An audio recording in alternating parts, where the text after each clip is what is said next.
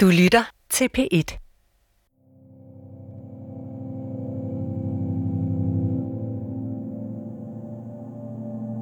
Der går 2 minutter og 56 sekunder fra Mogens ses i live sidste gang, til indbrudstyven Jack kører væk i sin bil. Det ved vi fra Mogens' egne overvågningsvideoer. Det er i det korte tidsrum, at Mogens dør. I retssagen mod Jack er der ingen tekniske beviser for, at Jack er morderen. Der er hverken fundet fingeraftryk, DNA eller fibre, der peger i den retning. Men politiet har kortlagt, hvad der må være sket i de lige knap tre minutter. Det er det, Jack er dømt på. Derfor er det interessant at gå de 2 minutter og 56 sekunder efter i sømne. For hvor sikre kan vi være på, at politiets teori er rigtig? Jeg hedder Mette Frisk, og det her er fjerde afsnit af Den Sandsynlige Morder. Det så, vi når til det med, hvor lang tid der har været til, ja her. Jeg læser op af byretsdommen fra min kollega Jesper. På baggrund af politiets rekonstruktioner af tiltaltes formodet flugtrute, lægges det til grund, at strækningen kan tilbagelægges på 1 minut og 25 sekunder i løb i mørke. Da Mogens Rolberg Bemo blev fundet død få meter fra det sted, hvor han forsvandt ud af kameravinklen i retning mod findestedet, kan det herefter lægges til grund, at tiltalte kan have haft cirka 1 minut og 30 sekunder til at overfalde og kvæle Mogens Rolberg Bemo. Mm.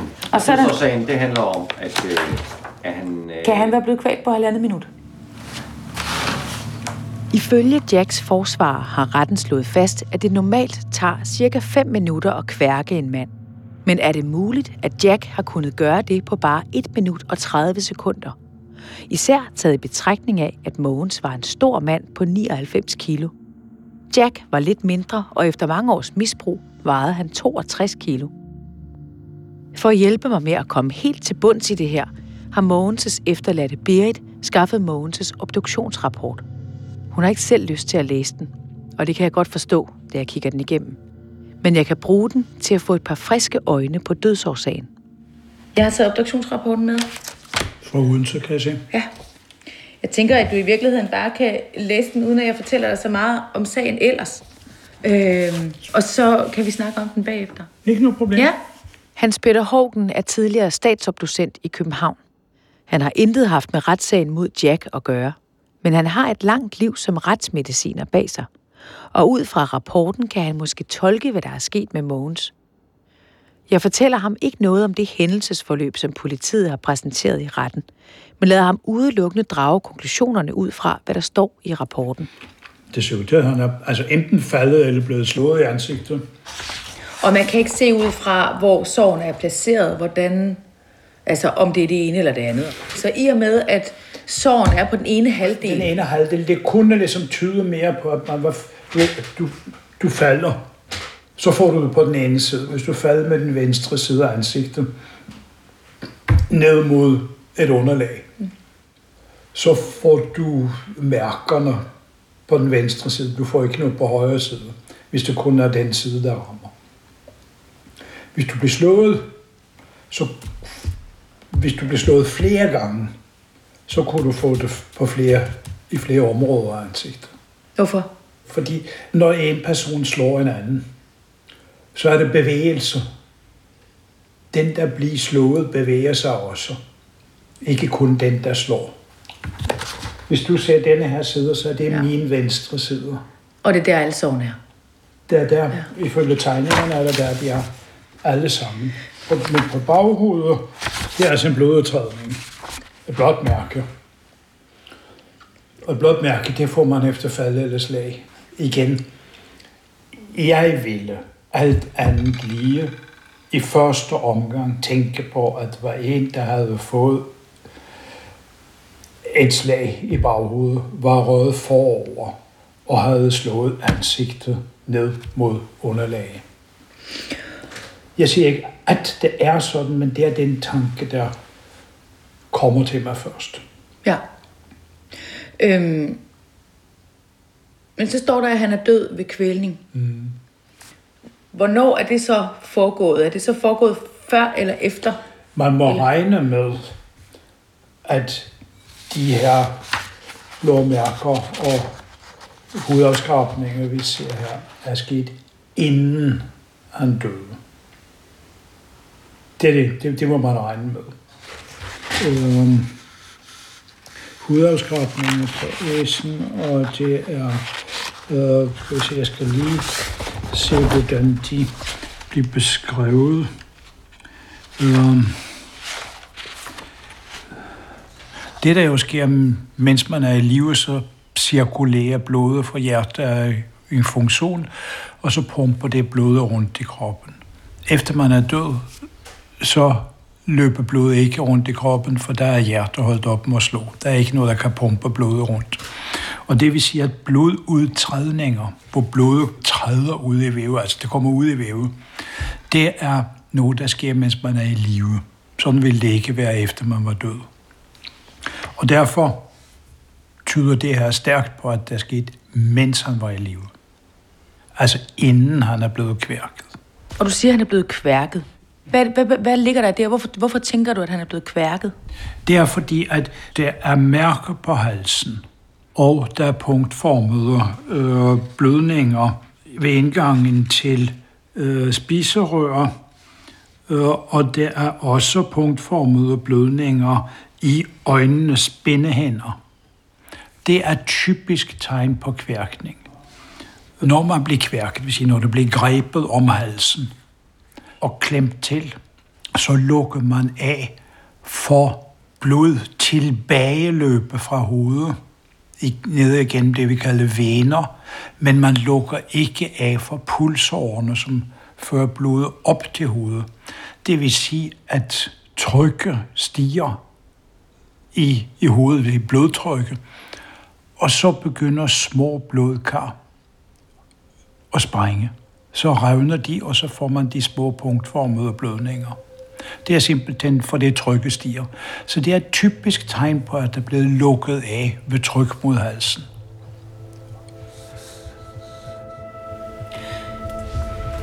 Kan du læse ud af obduktionsrapporten, øh, hvorvidt der har været kamp?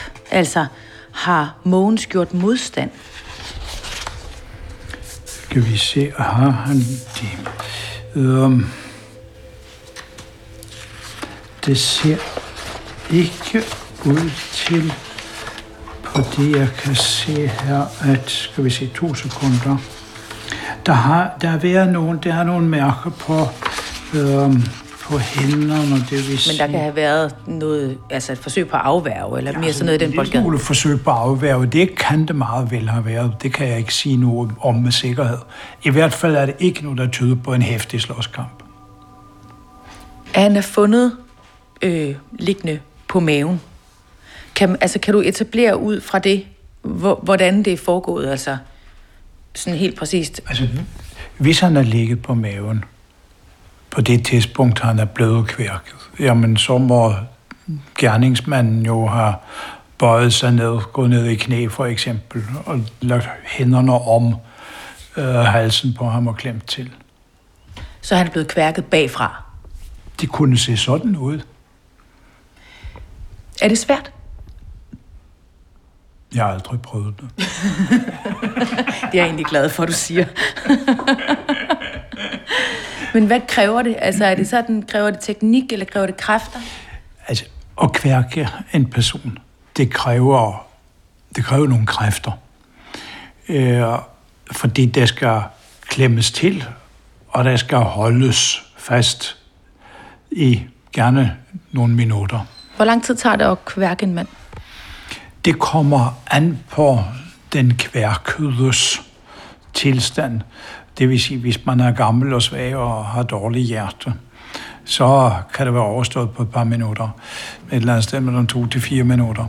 Og hvor man skal holde grebet. Ifølge forsvaren er det 5 minutter. I retsbogen kan jeg læse 3 til 5 minutter. Nu siger Hans Peter Hågen altså 2 til 4 minutter. Det står i hvert fald klart, at det ikke er nogen eksakt videnskab. Men det er stadig mere end det halvandet minut, som Jack ifølge politiet maksimalt kan have brugt, hvis han er morderen. Det er som regel de svage, der bliver kværket af de stærke. Hvilket vil sige for eksempel typisk, det typiske er, at der er mænd, der kværker kvinder. Eller hvis det nu skulle gå ud over børn, så vil det altså være voksne, der gør det med, med, med mindreårige. Det sidste ser vi heldigvis meget sjældent. Um, som sagt mere generelt, og i gåsøjne, så er det de stærke, der kværker de svage. Når jeg spørger, så er det fordi Mogens, som er afdød her, som vi læser om, han, øh, han var en mand på 177 cm og vejede øh, 99 kilo. Jack, som er ham, der skal have begået mordet, han er 175, og han vejer 62 kilo. Øhm, og har haft noget hasmisbrug og taget amfetamin og ting og sager, piller indimellem. Så man må formode, at han er en svagere mand. Jeg vil sige, at øh, hvis man er 1,77 og vejer 100 kilo, så er jeg ikke sikker på, at denne store vægt skyldes voldsomt stor muskelmasse. Og det gør dig altså ikke stærkere, hvis man har masser af fedt. Hvis man så også har et meget stort hjerte, som var tilfældet her, og forkalket kranspulsår, fået bypass, øh, det kunne jo tyde på, at, man, at vedkommende måske også havde haft et, et, et, en, en blodprop på et tidspunkt i hjertet, og derfor at hjertet var yderligere svagt. Så altså, det vil sige, det udelukker ikke, at den lette kan have kværket den, den tunge. Kan han være blevet kvalt på et minut og 30? Det vil jeg ikke udelukke. Det med de 1 minut og 30, det er altså inklusiv en eventuel kamp, eller hvad der nu har været, altså det slag i baghovedet, som vi formoder, der har været, og hvor han er faldet, og hvor kværkningen så er foregået. Giver det mening for dig? Ja.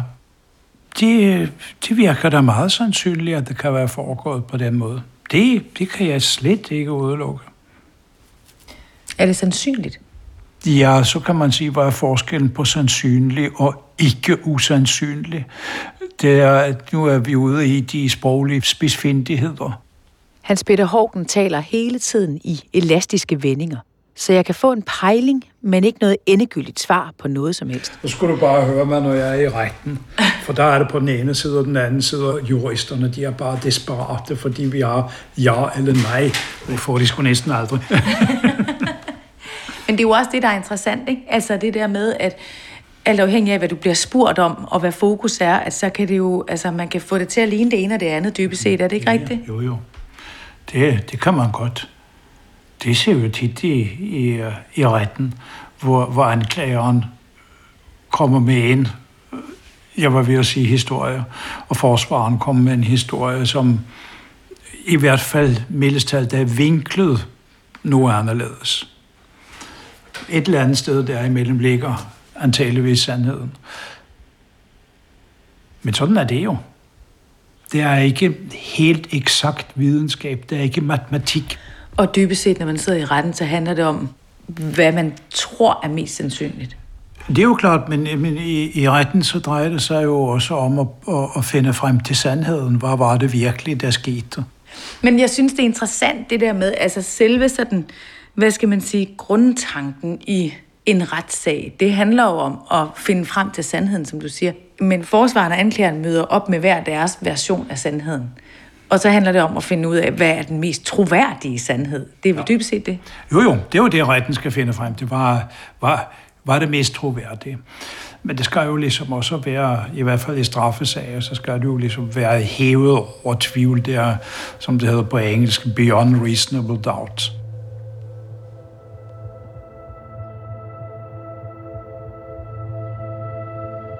Jeg får ikke noget endegyldigt svar ud af Hans Peter Hågen.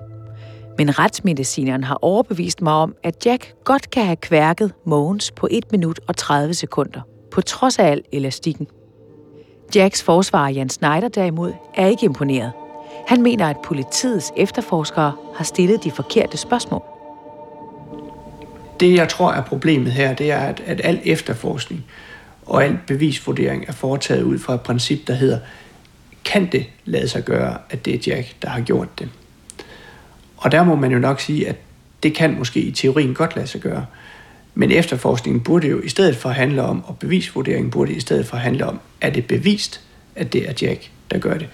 Og, og det er tit problemet med den måde, som politiet efterforsker på, at man forsøger bare at åbne muligheden for, at det er den, der sidder varetægtsfængslet, der har gjort det. Kan det være ham? Og så bruger man det nærmest som et bevis for, at så er det ham. Men man burde selvfølgelig altid overveje, kan det også være andre, der har gjort det? Og det har man i hvert fald i den her sag ikke gjort godt nok. Så det skal hæves over enhver tvivl, og det gør man ikke? Der skal være ført bevis ud over enhver rimelig tvivl. Og i den her sag må man sige, at efterforskningen mere har handlet om at åbne op for muligheden for, at det kan være Jack, end det har handlet om at efterforske i retning af beviser for, at det er ham, der har gjort det. Jens Schneider mener ikke, at politiet her har været så objektive, som de bør være. Både politiet og anklagemyndigheden er ved lov forpligtet til at være objektive. Det fortæller Nikolaj Sivan Holst, som er jurist og lektor i strafferet ved Aarhus Universitet. Det, der kendetegnende for dansk strafferetspleje og nordisk som sådan, det er, at øh, politi og anklagemyndighed er underlagt en objektivitetsforpligtelse. De skal ikke gå ud og varetage af en specifik interesse. Deres opgave er ikke at få så mange personer dømt som overhovedet muligt. Det er at finde frem til den materielle sandhed, som det, det så fint hedder. Både politi og anklagemyndighedens opgave er at sørge for, så de i loven, at øh, skyldige skal i fængsel, og uskyldige skal ikke i fængsel. Det, de som myndighed skal gøre, det er at sørge for objektivt at sikre sig, at kun skyldige kommer i fængsel. Sådan mener Claus Bonnet ikke altid, at virkeligheden er. Han er forsvarsadvokat, men også formand for den retspolitiske organisation Landsforeningen Krim, som holder øje med politiet og domstolene. Jeg ser nogle gange det, jeg kalder hederligt politiarbejde, hvor jeg kan se, at politiet har øh, let forskellige spor og sørger for, at forsvaren også får det materiale frem, der er til gavn for tiltalte. Men jeg ser meget ofte, at øh, øh, det, det materiale, der ligger på sagen, det er det, der er til gavn for politiets sag, den øh, mistanke, de har, og, og så må man som forsvar selv ud og, og bede om alle mulige andre former for efterforskning. Og det kan være en meget tung proces, det er mit indtryk, at politiet tror jeg, er meget mere ivrige, når de skal efterforske for anklagerne, når de skal efterforske for forsvaren. Det tør jurist Nikolaj Sivan Holst fra Aarhus Universitet hverken be- eller afkræfte. Men bare det at sætte spørgsmålstegn ved politiets objektivitet er et problem, mener han. Altså det er uheldigt, hvis det er sådan, og man kan sige, at selv opfattelsen er uheldig. Fordi det skal helst være sådan, at politiet skal følge forsvarens øh, anmodning om efterforskning. Vores retssystem er bygget op om tillid til, at politi og anklagemyndighed er objektive. Derfor må der ikke kunne stilles spørgsmål ved netop det.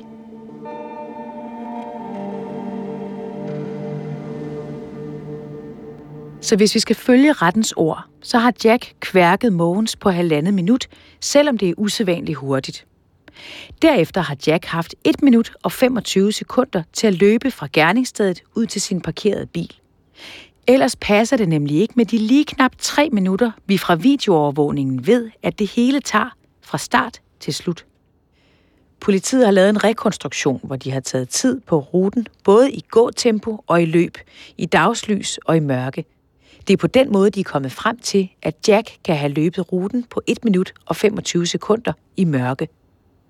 Men så hurtigt mener Jack ikke, at han kan have tilbagelagt ruten.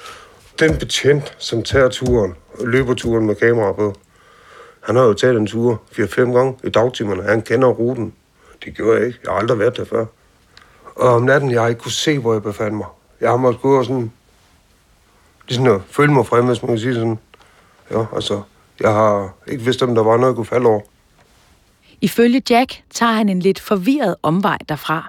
Han flygter ned igennem Mogens og Berits have, men i stedet for at fortsætte ned for enden af haven, hvor han kunne være kommet direkte ud på en offentlig tilgængelig parkeringsplads, nemlig købmandens, så tager han en omvej ind omkring naboens have. Hvorfor ja. løber du ind i naboens have i stedet for at løbe ned på parkeringspladsen? Det er fordi, jeg vidste, jeg vidste ikke, at jeg kom ned til parkeringspladsen her. Hvor du langt du ind? Nej. Jack har altså ikke løbet den lige vej væk fra Mogens og Berits grund. Men selvom politiet har bekræftet den ulogiske flugtrute, så holder de fast i, at Jack har løbet den på 1 minut og 25 sekunder.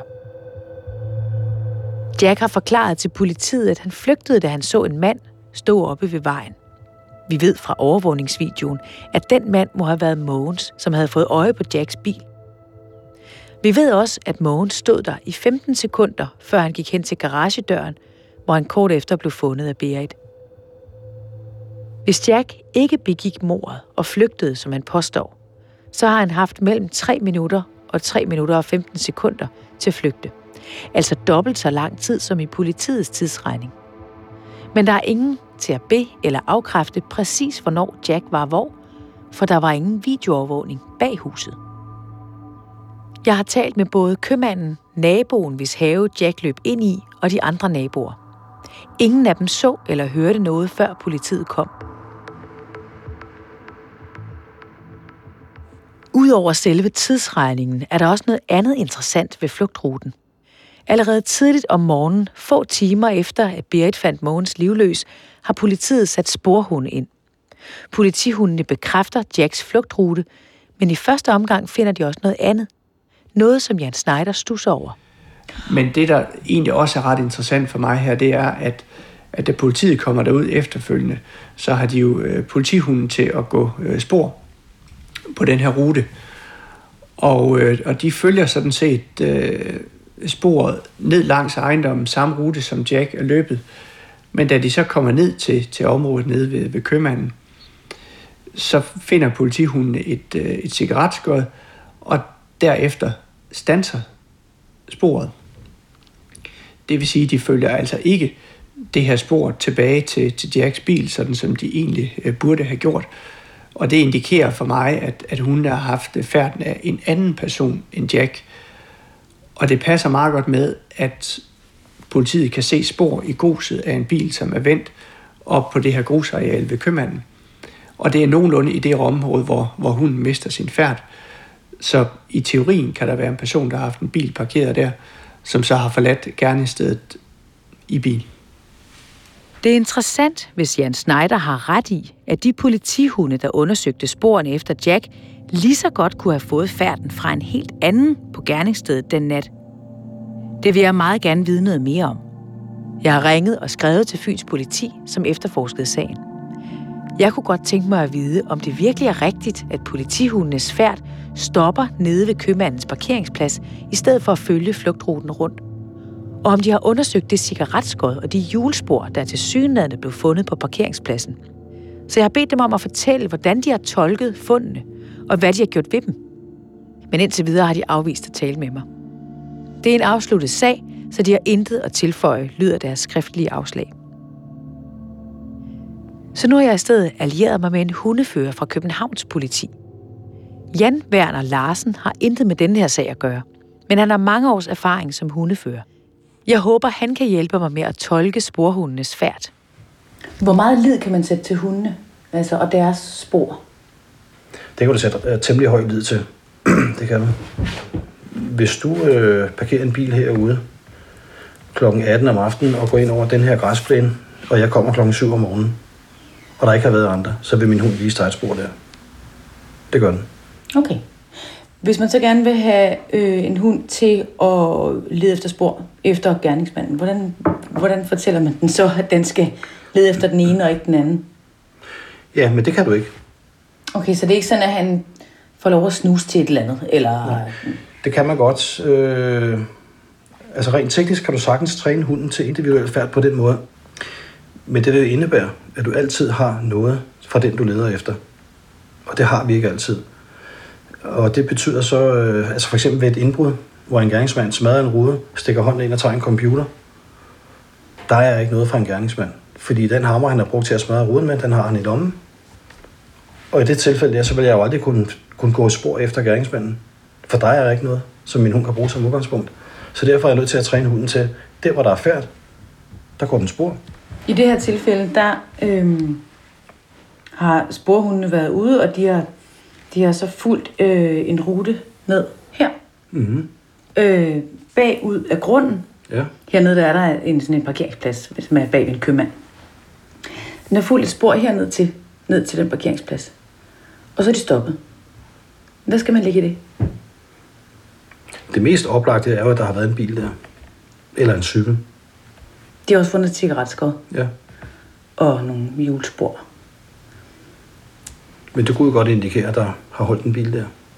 Men det er det, der er tricky, fordi det korresponderer ikke med hans egen forklaring på hans færden. Nej. Altså, hans egen forklaring er, at han er ikke er stoppet ved den der parkeringsplads, men er fortsat rundt langs med en sti, så han er kommet i et loop frem øh, til sin egen bil, altså rundt om en anden grund. Men jeg tænker, at når der er en, øh, en rutineret hundefører, der i sin rapport skriver, at herfra og herned, der viser min hund, at der er et spor. Ned til købmanden. Og i det område, hvor sporet slutter, om det er så i kanten af parkeringspladsen, midt på parkeringspladsen, der ligger der et frisk cigaretskod. Så vil jeg lægge det til grund for, at der har gået en der. Det vil jeg gøre. Men er det, er det sandsynligt, at man sætter en sporhund ind, og så øh, finder den i virkeligheden færden efter en anden person? Jamen, det kan godt ske. Ja, selvfølgelig kan det det. Fordi hundeføren, han ved ikke...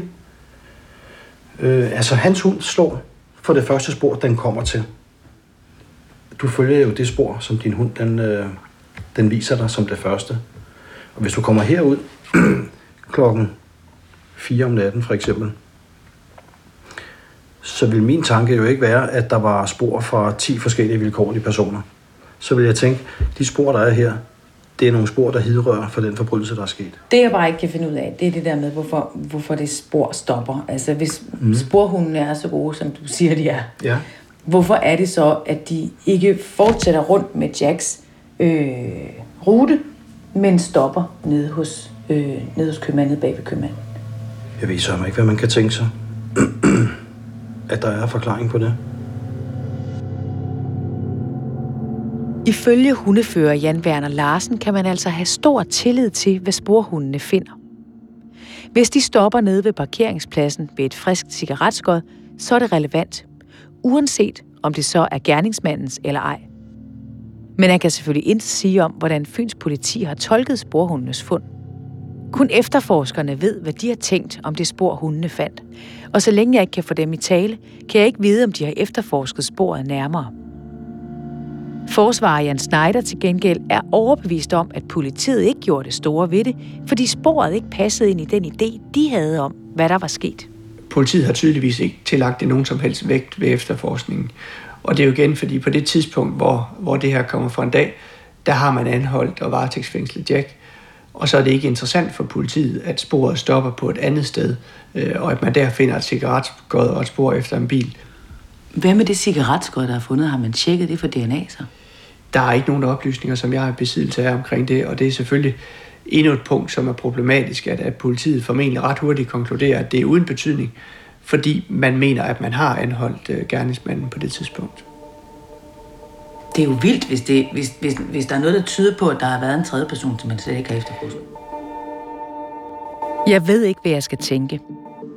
Og jeg kan mærke, at nu har jeg også fået politihundefører Jan Werner Larsen til at undre sig. Det er ikke sådan, at man kan se på hunden, om det har været to forskellige mennesker, der har været på grunden, eller om det har været et, et Altså hvis, menneske. hvis de har gået sådan lige tæt op og ned af hinanden. I nogle situationer kan du godt se, at hunden måske snuser sådan lidt bredt, hvis man kan sige det sådan, ikke? Mm. Øhm, men ellers, hvis du nu lægger til grund, at hundeføreren han kommer om natten, så kan det være svært at se. Og så kan man sige, stod det ned i stænger med regn for eksempel? Det regnede. Ja, At så har det været sværere, hvis det har regnet. Ja. eksempel. Mm. altså alt kan jo lade sig gøre. Jeg synes, du øh, åbner flere spørgsmål, end du lukker. Det er jo fantastisk. ja. Men du kan godt se, det er et hovedbrud, ikke? Jo, det kan jeg sagtens se. Altså man kan sige, helt generelt, hvis vi lukker den her sag, mm. og så siger generelt, når man er politimand og skal ud i sådan noget som, eller det her, den fælde, man ikke må falde i, det er jo at låse sig fast på fra dag 1, at det er en bestemt. Vi er sikre på, at det er X, der har gjort det her, og så målretter vi al vores skyts mod X. Det må man aldrig gøre. Og det kan jeg ikke forestille mig, at de... Øh, det kan jeg jo ikke vide, jeg kender ikke sagen. Det virker som om, at hver gang jeg tager fat i et hjørne, så åbner det en by af nye spørgsmål.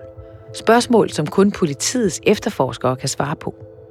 Har deres hunde fundet spor efter en anden person på parkeringspladsen den nat? Hvis ja, Hvem er den person så? Og har vedkommende noget med mordet på Mogens at gøre? For at få nogle flere detaljer om, hvad politiet mere præcist har fundet i forbindelse med efterforskningen, og hvad de har gjort ved deres fund, så skriver jeg en mail til anklagemyndigheden under Fyns politi, hvor jeg beder om agtindsigt i hele efterforskningen af mordet på Mogens. Som journalist er det ret usædvanligt at få adgang til efterforskningen af en drabsag. Men jeg har et trumfkort. For som dømt er Jack part i sagen. Dermed kan man argumentere for, at han har en vis ret til at se efterforskningen, eller i hvert fald dele af den. Derfor har jeg fået en fuldmagt fra Jack, som giver mig ret til at søge agtindsigt i efterforskningen på hans vegne. Men jeg får at vide, at det vil tage måneder, før jeg får svar. Så jeg lader flugtruten og cigaretskåret ligge for nu og arbejder videre med det, jeg allerede ved. Retten finder det hævet over enhver tvivl, at Jack har gjort det, på trods af, at der ikke er nogen tekniske beviser, for eksempel DNA. Ifølge dommen har Jack stået ind over Mogens og kværket ham, uden at efterlade sig DNA eller tøjfibre af nogen art. Der er ingen DNA fra Jack på Mogens, og der er ingen DNA fra Mogens på Jack. Til gengæld viser det sig, at der er fundet DNA fra en ukendt, som ikke er blevet efterforsket. Det mener politiet, at der er en god forklaring på. I næste afsnit dykker jeg ned i, om det er sandt. Vi har forelagt kritikken for Fyns politi og bedt dem kommentere den. Det har de ikke ønsket. De skriver i en mail, at der er tale om en sag, hvor retten har truffet en afgørelse, og at Fyns politi derfor ikke har yderligere kommentarer hertil. Vi har også forelagt kritikken for både byretten og landsretten. Ingen af de to har ønsket at kommentere den kritik, der bliver rejst. Serien her er produceret af P1 Dokumentar og er tilrettelagt af mig, jeg hedder Mette Frisk, med god hjælp fra Alberte Sacco og Frederik Hugo Ledegaard. Den er klippet af Solvej Bauer, og Jens Wittner Hansen er redaktør.